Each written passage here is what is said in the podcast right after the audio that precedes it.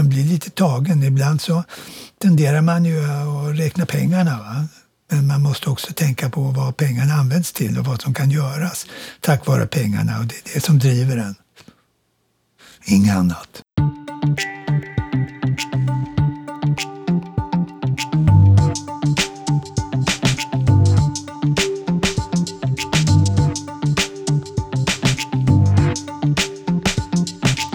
Henrik, vem var din idol som liten? Ja, men min idol som lite, alltså min första idol, så, Sven-Åke Lundbäck, längdskidåkare, eh, VM-guldmedaljör. Jag hade karoskidor efter honom under väldigt lång tid i min karriär. Hade du en poster på väggen också? Inte utav honom, utan då kom vi in på den andra delen av mitt liv och då, då pratar vi modoiter. Och då har det funnits och då var det alla, många. Eller? Ja, det har funnits många under den här tiden. Men det var inte alla som blev en tatuering? Nej, det är inte alla som har blivit tatuering. Så är det. Själv Ted, vad har du för hjältar i ditt liv? Ja, men vi är ju lite eh, lika där, tyvärr. Jag var ju också sportfåne som liten, så att det är klart att det satt en poster på väggen. Eh, och en eh, som jag minns väldigt bra är Tommy Salo, men som tyvärr rök från väggen när han släppte in det där målet mot Vitryssland. Hoppa Salo, hoppa.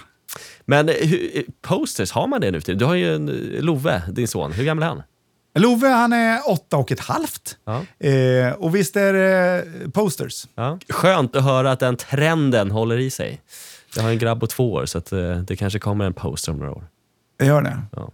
Men eh, idoler, eh, och då är vi inne lite på eh, hyllning av eh, människor som har betytt mycket för andra människor. Ja, alltså, för jag har egentligen bara, bara två såna hjältar, såna idoler som, som gör mig starstruck. Två, två såna. Och det är, då är vi kvar i hockeyn på den ena, det är Peter Forsberg. Och sen, så, sen är det dagens gäst, eh, Per Stenbeck, som vi kommer att få lyssna till. Alltså, vilken man. Och det förstod ju jag när vi var på middag med Operation Smiles eh, Sveriges styrelse. Eh, då hamnade jag bredvid Per och då kom du och knackade på min axel och sa Ted, kan inte jag få sitta bredvid Per? Självklart ställde jag upp och du fick en hel middag tillsammans med dagens gäst och din legend. Hur kändes det då? Ja, men det var otroligt faktiskt. Det, det var det. Jag har ju hört mycket om Per, jag har hört Per prata. Eh, men att få den här chansen att sitta ner, för jag förstod att det här blir en lång middag, sitta ner eh, en hel kväll och, och snacka med honom, det var, var fantastiskt.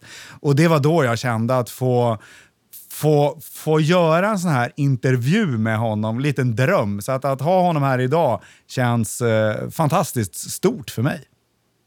Så nu sätter vi igång, eller hur? Absolut. Du började i reklambranschen i ja, Sverige. Ja. Tio år på annonsbyrå.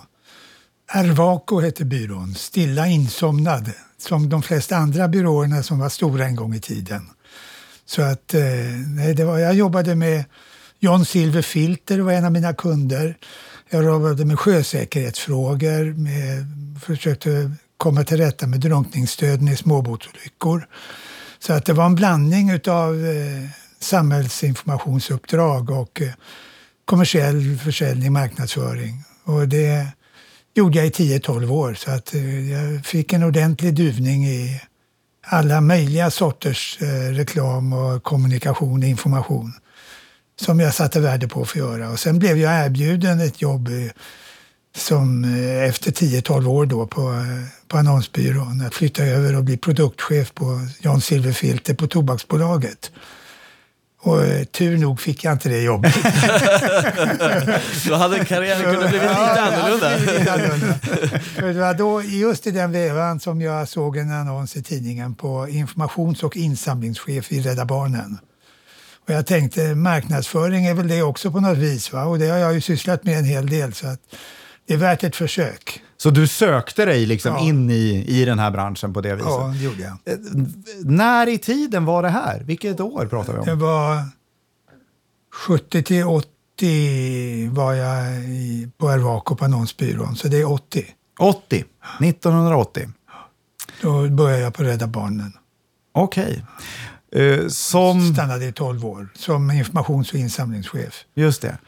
Och hur såg insamling i Sverige ut på den här tiden då? Ja, mycket annorlunda. jag man kan sammanfatta det. Då. Det, Ja. är stor, det är stor skillnad utan tvivel. Är, Men Rädda Barnens insamling vid den här tiden, det var eh, medlemmarna, eh, ja, äldre damer som stod med 5-10 mössor. miljoner kronor ungefär om året.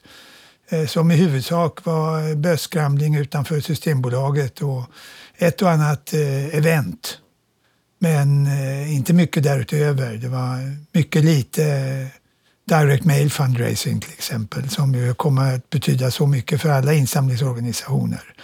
Men det, det, det var inte mycket som gjordes. Så att Jag fick lära mig med att åka utomlands. Det, var ingen, det fanns ingen vidare utvecklad professionell fundraising i Sverige på den tiden. Själva ordet fundraising fanns inte. Jag hade ingen aning om vad det betydde första gången jag stötte på det någonstans. Så att, eh, men jag, jag plockade upp eh, en hel del kunskaper från England och från USA. Åkte du på utbildningar eller åkte du på utbyten inom Rädda Barnen? Eller hur gick det där ja, till? det var nog både och. Eh, Mycket, mycket träffa andra organisationer som jobbar på liknande sätt. Inom Rädda Barnen-familjen men också utanför. Så att överhuvudtaget att jobba med genom ideella organisationers erfarenheter från andra länder betydde jättemycket. Och hur många var ni då som satt på, på Rädda Barnen? Kontoret var väl på den tiden ungefär 50 anställda skulle jag tro. 1980. Och hur många av Och, dem eh, jobbade med fundraising? Ja, en Som inte fanns då? fem kanske. Ja. Så att, eh, och nu är det totalt har vi Rädda Barnen över 300 anställda. Och nytt fint kontor i Alvik strand. Ja, till och med det. Till och med det. Det är roligt för dem. Där har jag inte varit ännu. Nej, de får bjuda in dig här Ja, efter podden. Men hur såg tillväxten ut och vad gjorde du när du eh, kom in där under de här åren för att liksom styra det här till att bli mer professionell fundraising? Och det, det var, den viktigaste biten var att inte falla i fällan “It won't work with us”. Eh, det fick man höra mycket. Man trodde att så här gör man inte i Sverige. Har du varit i USA och lärt dig samla in pengar? Ja, svarade jag då, det har jag gjort. Och då, hur har du burit det åt? Ja. Och eh, då kunde jag säga att vi har gjort en del saker som ingen har gjort förut i vårt land. Till exempel satsat på testamenten. Det fanns överhuvudtaget inte. I Sverige så eh, sa man att eh, testamenten, det är något man eh, tacksamt tar emot om man får det. Men det är inget som man planerar för. Och det är inget som man ber om särskilt. Det tas illa upp i Sverige. Det är mot vår kultur att göra sånt. Okej. Och det var ju skitsnack. Va? Och idag kan vi då titta på alla ideella organisationer. Alla som är stora har testamentsprogram av något slag. Vi ser särskilda tv-spots på testamenten nu. Det fanns ju ingenting av det. Testamenten har kommit att bli en mycket viktigare intäktskälla nu än vad det var för eh, detta antal år sedan när jag kom med i gamet. Va? Så att, Men när du började då 1980, såg du då den här potentialen ja. att det här kan ju faktiskt Ja. bli någonting i Sverige Fun- också? Funkar det i något annat land eh, så kommer det att funka i Sverige också om man bara gör det med lite klokskap och omdöme. Och, eh, så, eh, absolut så är det så att det som funkar i New York och New Delhi, det kommer också funka i Stockholm. Och de som säger “it won't work with us”, de missar möjligheterna. Fanns det någon annan organisation i Sverige som aktivt jobbade med fundraising eller var ni först ut då? Ja, vi var först ut. Jag vill gärna påstå att eh, vi banade ny mark i Rädda Barnen. Och hur lång tid tog det där från att du hoppade in 1980 till att ni... Det var en successiv utveckling under hela 10, det blev 12 år när jag jobbade i Rädda Barnen. Så att eh, eh, man kan inte säga att det skedde med, med raskt på kort tid från när jag kom dit utan det var en stegvis process. Och mentaliteten, hur lång tid tog det innan folk började förstå att det kan faktiskt funka här i Sverige också? Ja, det, i och med att siffrorna blev tydliga. Det, man kan säga att eh, ungefär 5 till 10 miljoner kom, var i den samlade intäkten. När jag lämnade 12 år senare var det ungefär 100 miljoner. Eh, och då är, frågar man sig hur, stor, hur mycket kom då ifrån lokalföreningarna? De eh, små damerna som gjorde sina insatser. Var, Utanför Systembolaget? Ja visst, det fortsatte att vara ungefär 5-10 miljoner kronor av den samlade ja. intäkten. Så plötsligt var det 80 miljoner som kom från något annat håll. Och merparten av det kom från brev, insamlingsbrev.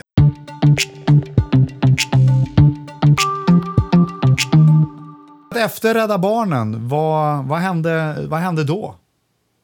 Ja, efter Rädda Barnen så blev jag lockad att flytta till London och bli chef för något som heter, det hette på den tiden The International Fundraising Group, numera The Resource Alliance som är en organisation som syftar till utbildning i professionell insamling för ideella organisationer och för konsulter som jobbar med fundraising. Så man hade då hade i, i världen fått upp ögonen för ja. att Per Stenbeck, det är, det, han kan något? Ja, det kanske var så. Ja. Mm. Något vi, kunde han Vi tror det. Ja, nej, men det är intressant. Så att jag flyttade till London och började resa runt i världen och organisera event i fundraising. Fick lyckas få ihop till pengar för att hjälpa till att betala det här. Och eh, åkte som en tätting runt om i världen och snackade fundraising. gjorde Jag Jag tror att jag har räknat med över 50 länder som jag har pratat fundraising i under, genom åren. Så det, det, var en mycket spännande möjlighet att få jobba internationellt med insamlingsfrågor som jag tog med förtjusning. Men där, när du, dels det du sa och berättade om Rädda Barnen tidigare, att eh, det funkar inte här. Eh, och så sen när du säger att du har varit ute och pratat fundraising i, i 50 länder. Ja. Eh, funkar verkligen allting överallt? Ja, korta frågan, svaret på frågan är ja. Om det tillämpas med viss klokskap. Men eh, det, det finns ju den här typen av insamling som går ut på att gå på gatan och få folk att skriva upp sig på månatligt givande. Eh, det kom från början ifrån, inte ett land som är känt för att vara särskilt innovativt i fundraising, nämligen Österrike. Mm -hmm. Och det var Greenpeace i Österrike som var först på att jaga ut på gatorna och göra det här och gjorde det med så fantastiskt gott resultat att alla runt omkring i Greenpeace-familjen sa vi provar också, vi måste också prova. Och mycket riktigt, gick det bra i Österrike så gick det bra på många andra ställen också. Och i stort sett på alla andra ställen som provade. Också udda länder som Indien eller, eh, eller Bangladesh så gick det att gå ut på gatorna och samla in pengar på samma sätt som man gör i, gjorde i Österrike och gjorde i Sverige och så. så att, det, det som It won't work with us, det är inte sant. Nej. Det är bara folk som tror. Det är bara en undanflykt. För att göra. Det är en bra undanflykt ja. för de som inte tror, helt ja. riktigt. Ja. Men finns det någon eh, insamlingsmetod eh, som kommer från Sverige? Mm. Inte mig veterligt som, jag, som inte har tillämpats på annat håll. Nej, det tror jag inte. Då får vi ta oss an det helt enkelt. Ja, ja vi, får, vi får bli innovativa du och jag Ted. Det är ju, där har vi någonting. Lycka till. Tack! eh, om vi fortsätter i kronologin eh, så, så var det Rädda Barnen i 12 år och sen var det England ja, i eh, sex år. sex år. Och eh, hur, vad hände sen då? Vad som hände sen var att min fru fick ett jobb i statsrådsberedningen i Stockholm. Så kan det gå. Hon ville åka hem till Stockholm och ta den här eh, utmaningen, få jobba med Göran Persson som det var på den tiden. Och hon kom hem en dag och sa att jag har fått det här jobbet i statsrådsberedningen, jag tänker ta det. Du är välkommen om du lyckas fixa ett jobb i Sverige. och det gick inte så lång tid innan jag fick ett telefonsamtal från Greenpeace som sa är du intresserad av att bli generalsekreterare för Greenpeace i Norden? Och då utan mycket betänketid sa jag att det vill jag gärna göra. Och, för då hade du sett vad Greenpeace gör i Österrike ja, och tänkte att här har jag något då. Att, eh, jag, jag tänkte att det var ju inte bara fundraising då utan det var ju som generalsekreterare och chef för de här fyra. Styra och bestämma allt. Ja, så var det.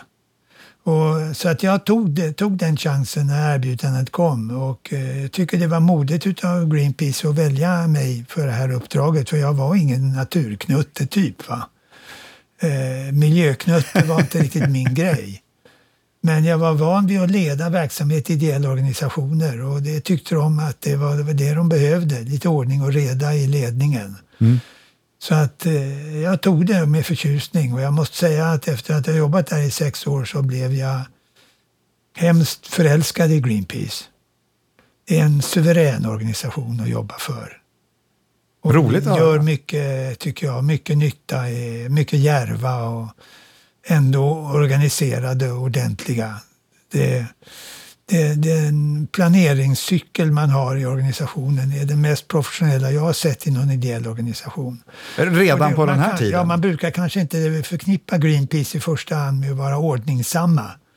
Det har varit, eh, tycker jag, en fröjd att se hur Greenpeace har lyckats växa trots att eh, organisationen är kontroversiell. Eh, man brukar säga att Greenpeace är en organisation som man antingen älskar eller hatar. Och det är få organisationer som väcker så starka känslor. I Rädda Barnen gillar man, men man älskar inte Rädda Barnen. Man hatar ju inte Rädda Barnen heller. Men man hatar verkligen Greenpeace. Det finns folk som inte skulle tveka att ta de orden, det ordet i sin mun då det gäller Greenpeace. Jag hatar den organisationen som sätter sig över lagen och tror att de kan bära sig åt hur som helst. Det finns en, ett starkt engagemang för eller emot. Och det är spännande att få jobba för en organisation som väcker mycket starka känslor. Det gäller att spela på det och se till att man, eh, man får, eh, får positiva effekter av engagemanget trots att det finns många som inte ställer upp. Så att så eh, det har varit spännande att jobba för, för Greenpeace. Egentligen så tyckte jag det var sorgligt när jag valde att lämna då efter var sex år. Eller vad. Men då blev jag ju erbjuden det här jobbet som chef för fundraising i världen för Unicef. Och det är ju för en fundraiser det absolut unika enda toppjobbet som finns. Du kan inte byta upp dig från att vara Global Fundraising Director i Unicef. Det går inte. Vi satte upp ett mål för vår första femårsstrategiska plan på en miljard dollar insamlat eh, varje år. Eh, och vi nådde dit efter, eh, ja det tog ett par tre år att jobba upp sig till den nivån. Ja, fy fasen vad coolt! En massa pengar alltså. Så att det kändes hemskt stort att få vara med och bygga upp det. Och när du var på Greenpeace då, hur mycket pengar samlade ni in i Sverige då? Eller i Norden som det handlade om för dig då? Greenpeace, ja, det var inte, Greenpeace är inte en organisation som samlar in enorma mängder pengar. Men det rör sig om 50 miljoner eller någonting sånt. Ja. Så det är fortfarande rejält med pengar. Det är fortfarande men rejält med pengar, men att gå därifrån till en miljard dollar, det ja. är ändå det är ett steg. Ja, ja det, är det. det är ett steg. Och flytt till eh, Genève där det internationella gänget höll till. Va? Så att jag, fick, jag bodde i Genève i sex år. Och eh, pendlade emellan. Min familj var kvar i Sverige. Jag, var just, jag undrade just, hur gick det med frun och statsrådsberedningen ja, då? Ja, hon, hon, gjorde det. Det var uppdrag under viss tid, ja. så att, eh, det gjorde hon och slutförde. Eh, så att eh, det, det, hon gjorde nog rätt. Eh, och det, vi, vårt äktenskap pallade med den här på, påfrestningen. Så att det var i alla fall en, det var en glädje för hela familjen att ha fått de här jobben. Jag i Unicef och hon i statsrådsberedningen. Hur mycket påverkade ni i Genève då de här nationella kommittéernas eh, sätt att samla in pengar på, om vi, om vi ser på det? Jo, vi... Eh, det var inte helt konfliktfritt. Eh, jag tror att ibland, i somliga nationalkommittéer så fanns lite känsla av att det var eh, besserwissergäng i Genève som bäst kunde låta bli att lägga sig i egentligen. Men det fanns också många som satte värde på den erfarenhet som fanns i det internationella teamet. Hos mig också. Så att eh, på det hela taget så tycker jag att eh, det har varit en, det var en intressant period som jag inte vill vara förutan att få jobba i FN också detta med att jobba i FN, vara internationell tjänsteman inom FN, är en spännande roll att ha under sin karriär. Ja, det förstår jag. Mm. Det, hur, går man vidare från något sånt då, sen? Jo, man blir ju tvångspensionerad vid 62 års ålder. Då är, då, som FN-tjänsteman så är det pension som gäller. Okay. Och då var det en del folk som frågade mig, vad ska du göra nu då? Tänker du gå i pension vid 62? Ja, kunde du, och, ja. kunde du ärligt svara då så här, ja, men jag har många utmaningar kvar i livet? Ja, det kunde jag göra. Du kunde det? För jag svarade så här, ja. jag kommer att starta WaterAid Sverige. För jag hade stött på WaterAid i min karriär lite grann och kände det som en spännande organisation och ett bra ändamål. Och jag tänkte att det borde kunna gå att lansera i Sverige. Och hur tog du Medveten, medvetenheten om vattenfrågans betydelse finns i Sverige på många sätt och vis. Så att eh, det kändes som om det var ett eh, bra steg att ta och försöka göra det. Och, eh, så kom jag på efter ett tag att jag har sagt det här till alla möjliga men jag hade inte sagt något till WaterAid, huvud, huvudkontoret i London. Så att eh, insamlingschefen i London han var i Holland på insamlingsseminariet i Holland som jag var ansvarig för. Eh, och då la jag en liten lapp i hans pigeonhole som han hade på den tiden. Och där skrev jag att I am interested in starting WaterAid Sweden. Let's have breakfast and talk it over. And he said you are on. och så träffades vi på morgonen efter och så berättade jag vad jag skulle vilja göra. Och så sa han att häng med till London, träffa vår generalsekreterare. Det här ska vi fixa. Och det gjorde det. Så att jag fick börja och, och jobba med att lans, lansera WaterAid i Sverige. Ah, häftigt.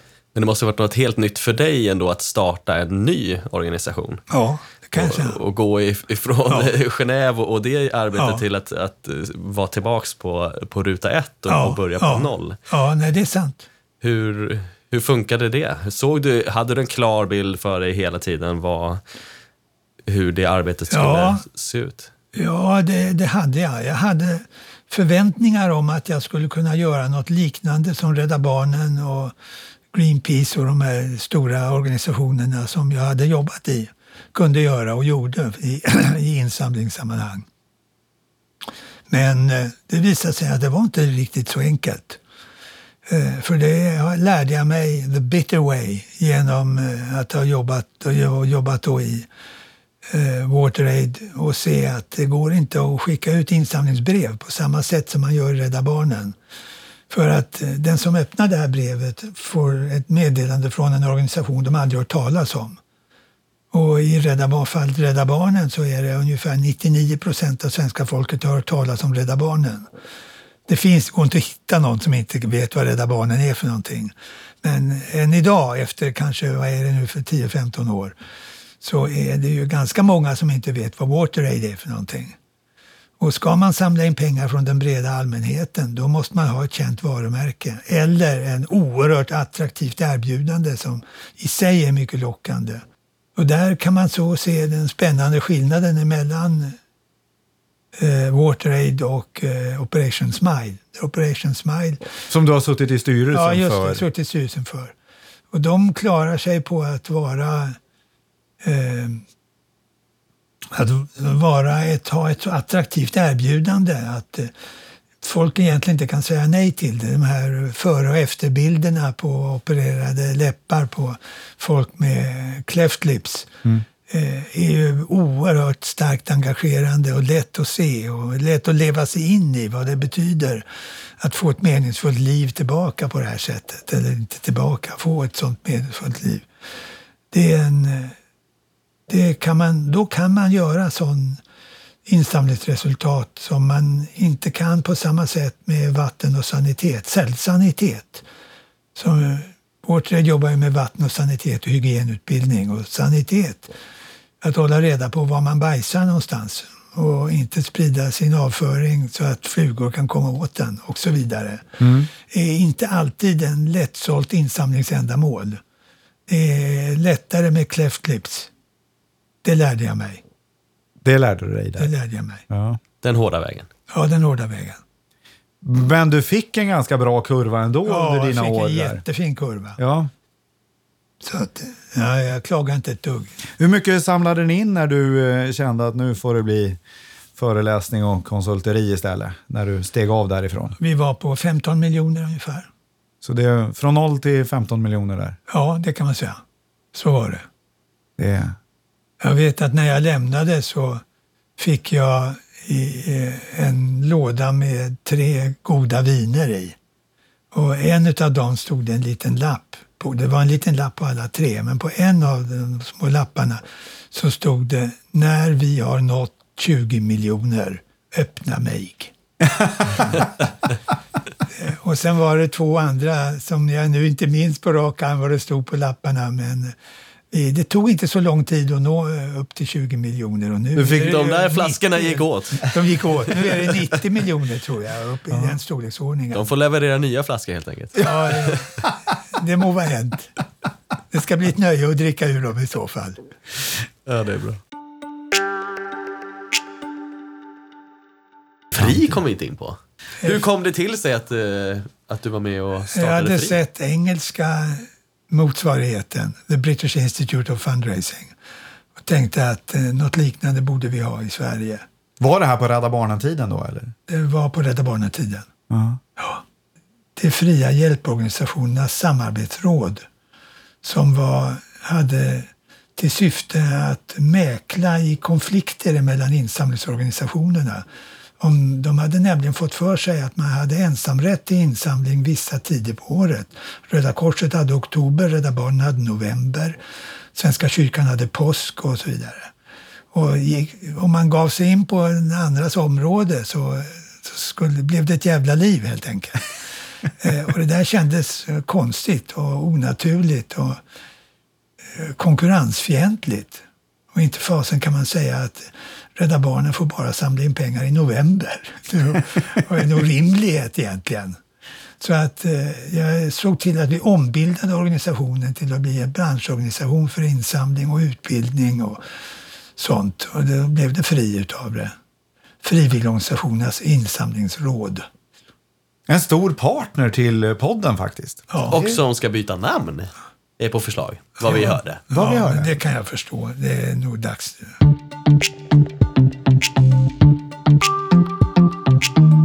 En enormt imponerande karriär ju. Eh, om du skulle... En rolig detalj i karriären är att eh, jag blev utsedd till Honorary Fellow of the British Institute of Fundraising. Eh, och det är en heder som endast en icke-engelsman någonsin har fått. Och det är jag då. Är, jag är jävligt stolt över detta.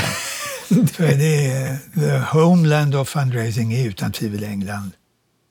Och att bli Honorary Fellow of the British Institute of Fundraising, det, det är jag mycket stolt över. Det var precis som var min nästa fråga. Om man blickar på den här långa karriären, vad, vad du är mest stolt över. Men är det det du, du Ja, känner dig det mest stolt över? Mm. Kan, ja, det är det. Men också över att nå insamlingsmålet på en, en miljard dollar.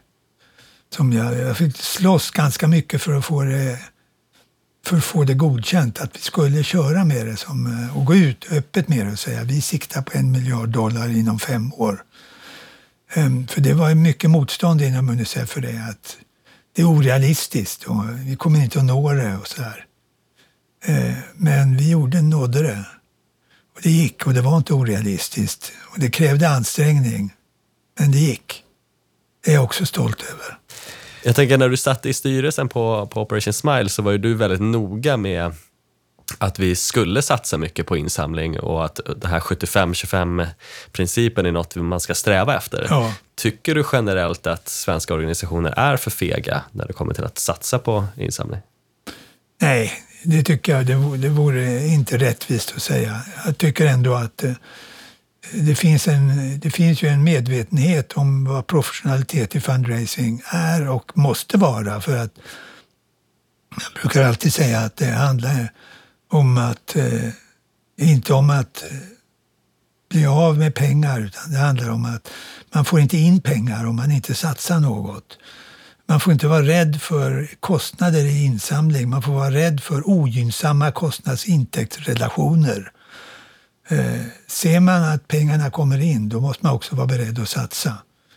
Man får, och just i fallet eh, Radiohjälp eh, eller 90-kontosystemet så eh, är det ju, måste det vara så att eh, om man, om man inte lyckas spendera upp till 25 procent så är det ett tjänstefel att sitta på pengarna och inte använda dem till att investera i fundraising. Om man tror att man vet hur man ska kunna få in pengar och inte ta den möjligheten, då gör man inte sitt goda ändamål rätt tjänst, tycker jag. Vad mm, ser du är den största framgångsfaktorn för att lyckas med insamling? Att, ha ett, eh, att kunna beskriva sitt ändamål på ett eh, eh, övertygande sätt, tycker jag väl det är. Menar, man, man måste kunna sätta ord på vad är det man håller på med och göra det på ett engagerande sätt. Det är det avgörande för insamlingsresultatet, ska jag säga. Hur, hur trendkänslig har du varit? Man kan tänka sig när du kom från annonsbyrå i, i början av din karriär så var det liksom mycket, mycket trender som, som stack iväg. Hur mycket har du varit det sen under din karriär? Inte så mycket tror jag. Fundraising is fundraising över tid och över länder. Så att eh, finns, man ska inte återupptäcka hjulet i den här branschen heller. Va? Jag säger bransch, även om man ska vara försiktig med att använda kommersiell terminologi i insamlingsbranschen. För att eh, givarna, de gillar inte att bli behandlade som kommersiella kunder. Det, ta en Greenpeace-givare och använd en terminologi som låter som kommersiell eh, marknadsföring. Det funkar bara inte. Vad är det som gör att du brinner för insamling så mycket? Och inte cigaretter. Och inte, Eh, de, de brinner de också. Jag tycker att insamling är viktigt för, att, för det goda ändamålets skull. Eh, Det är inget självändamål. Va? Det är, tror jag är viktigt att göra klart för sig att man gör det för att man tror på, man tror på det. Är man eh, i WaterAid raid så måste man känna att vattenfrågan är viktig och vi kan göra skillnad. Men vi behöver pengar för att göra det. Fundraising is not about money. Fundraising is about needs. Och, och man kan ge bild åt den, de behoven. Då blir fundraising ett eh, naturligt resultat. Men man, stolthet och glädje över att få jobba åt ett ändamål som man tror på är en nyckel för framgång. Och stolta är vi att vi jobbar i den här branschen som jag ändå Ja. säger. Ja, verkligen.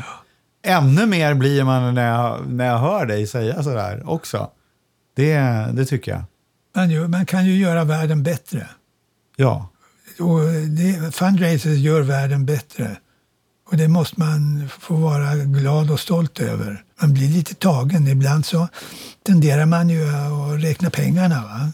Men man måste också tänka på vad pengarna används till och vad som kan göras tack vare pengarna. Och det är det som driver en. Inget annat. Precis. Nu blir det lite smårörda här, både du och jag.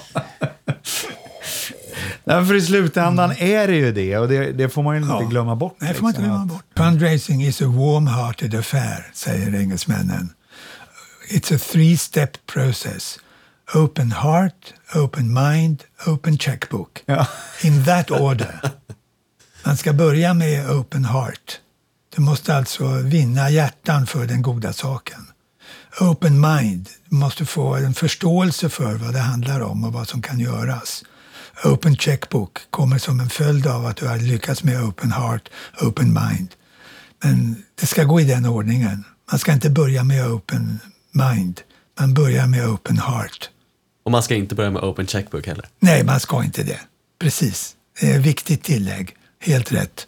Det följer utav om du har gjort korten, lagt korten rätt på open heart och open mind. först då kan du räkna med Open Checkbook. Nu är det ju inte så mycket checkbooks i Sverige så man får väl hitta något annat. Open ord. Swish. Open Swish, ja. Per, vi måste ju ställa samma fråga till dig som vi har ställt till alla som har varit här hittills och det är var någonstans går gränsen för att man ska ta emot pengar? Går det vid vapen eller snus eller eh, alkohol, spel, godis, pälsar? Vart går gränsen? det, det är individuellt för varje organisation. Det finns inget generellt svar på detta. Varje organisation måste ta en diskussion. Vad kan vi acceptera och ta emot? Vad kan vi inte? Jag brukar säga att det finns två extremfall här. Det ena kan vi kalla Greenpeace, det andra kan vi kalla Moder Teresa. Moder Teresa hade som princip att ta emot vad som helst från vem som helst så länge som hon fritt kunde använda det för sitt goda ändamål. Vid ett tillfälle så hade en, ett horhus i Schweiz eh, beslutat att under en vecka ge hälften av sina intäkter från kunderna till Moder Teresa för hennes insatser bland de fattiga i Calcutta. Eh, och fick, hon fick kritik. Tar du emot horpengar? Och hon sa just detta, att för mig är alla pengar lika välkomna oavsett eh, ändamål. Så länge som jag kan använda det på det sätt som jag själv vill. Det, det är det ena. Det andra är Greenpeace. Och Greenpeace har den motsatta ståndpunkten. De säger att inte ett öre från ett företag, inte ett öre från stat eller myndighet, alla pengar från privatpersoner. Det är, vår uppgift är att kritiskt granska vad företag och myndigheter gör inom miljöområdet. Det kommer vi komprometteras om vi tar emot pengar från någon, vem som helst, vem det vara månde. Sen får du då i din organisation i Sverige fatta ett beslut. Var går gränsen för oss? Vad kan vi acceptera? Vad kan vi inte acceptera? Så ungefär skulle jag svara. Så har du svarat och det var bra svar. Nu, eh, har du varit med i insamlingspodden? Brukar du lyssna på poddar? Nej. Om du skulle lyssna på en podd, vad skulle du vilja lyssna om då när det rör eh, insamling? Någon specifik person eller ett ämne? Jag skulle gärna höra lite om vad som händer på betalningsvägar. Swish nämndes, men det finns eh, andra betalningsvägar som har kommit på senare år och inte funnits tidigare. Och det är så viktigt i insamling att, eh, att man måste se till att man tar tillvara de möjligheter som giv, man ska göra det lätt för givaren som man brukar säga. Make it easy for the donor. Och då handlar det om att hitta betalningsvägar som gör det lätt för givaren. Och vad händer? Eh, vilka råd och tips, vilka erfarenheter finns det på det området? För det kommer att betyda mycket. Givarna är bekväma. Det får inte vara jobbigt att ge. Det får inte bli en flerstegsraket. Man måste ta tillvara de möjligheter som finns att ge på ett, på ett lätt sätt. Vad finns det för erfarenheter där? Det vill jag höra mer om. Det får vi lösa. Det var ett bra tips. Absolut. Ja, Jättekul att ha dig här och trevligt Ja, ja. att få... nöjet var ömsesidigt.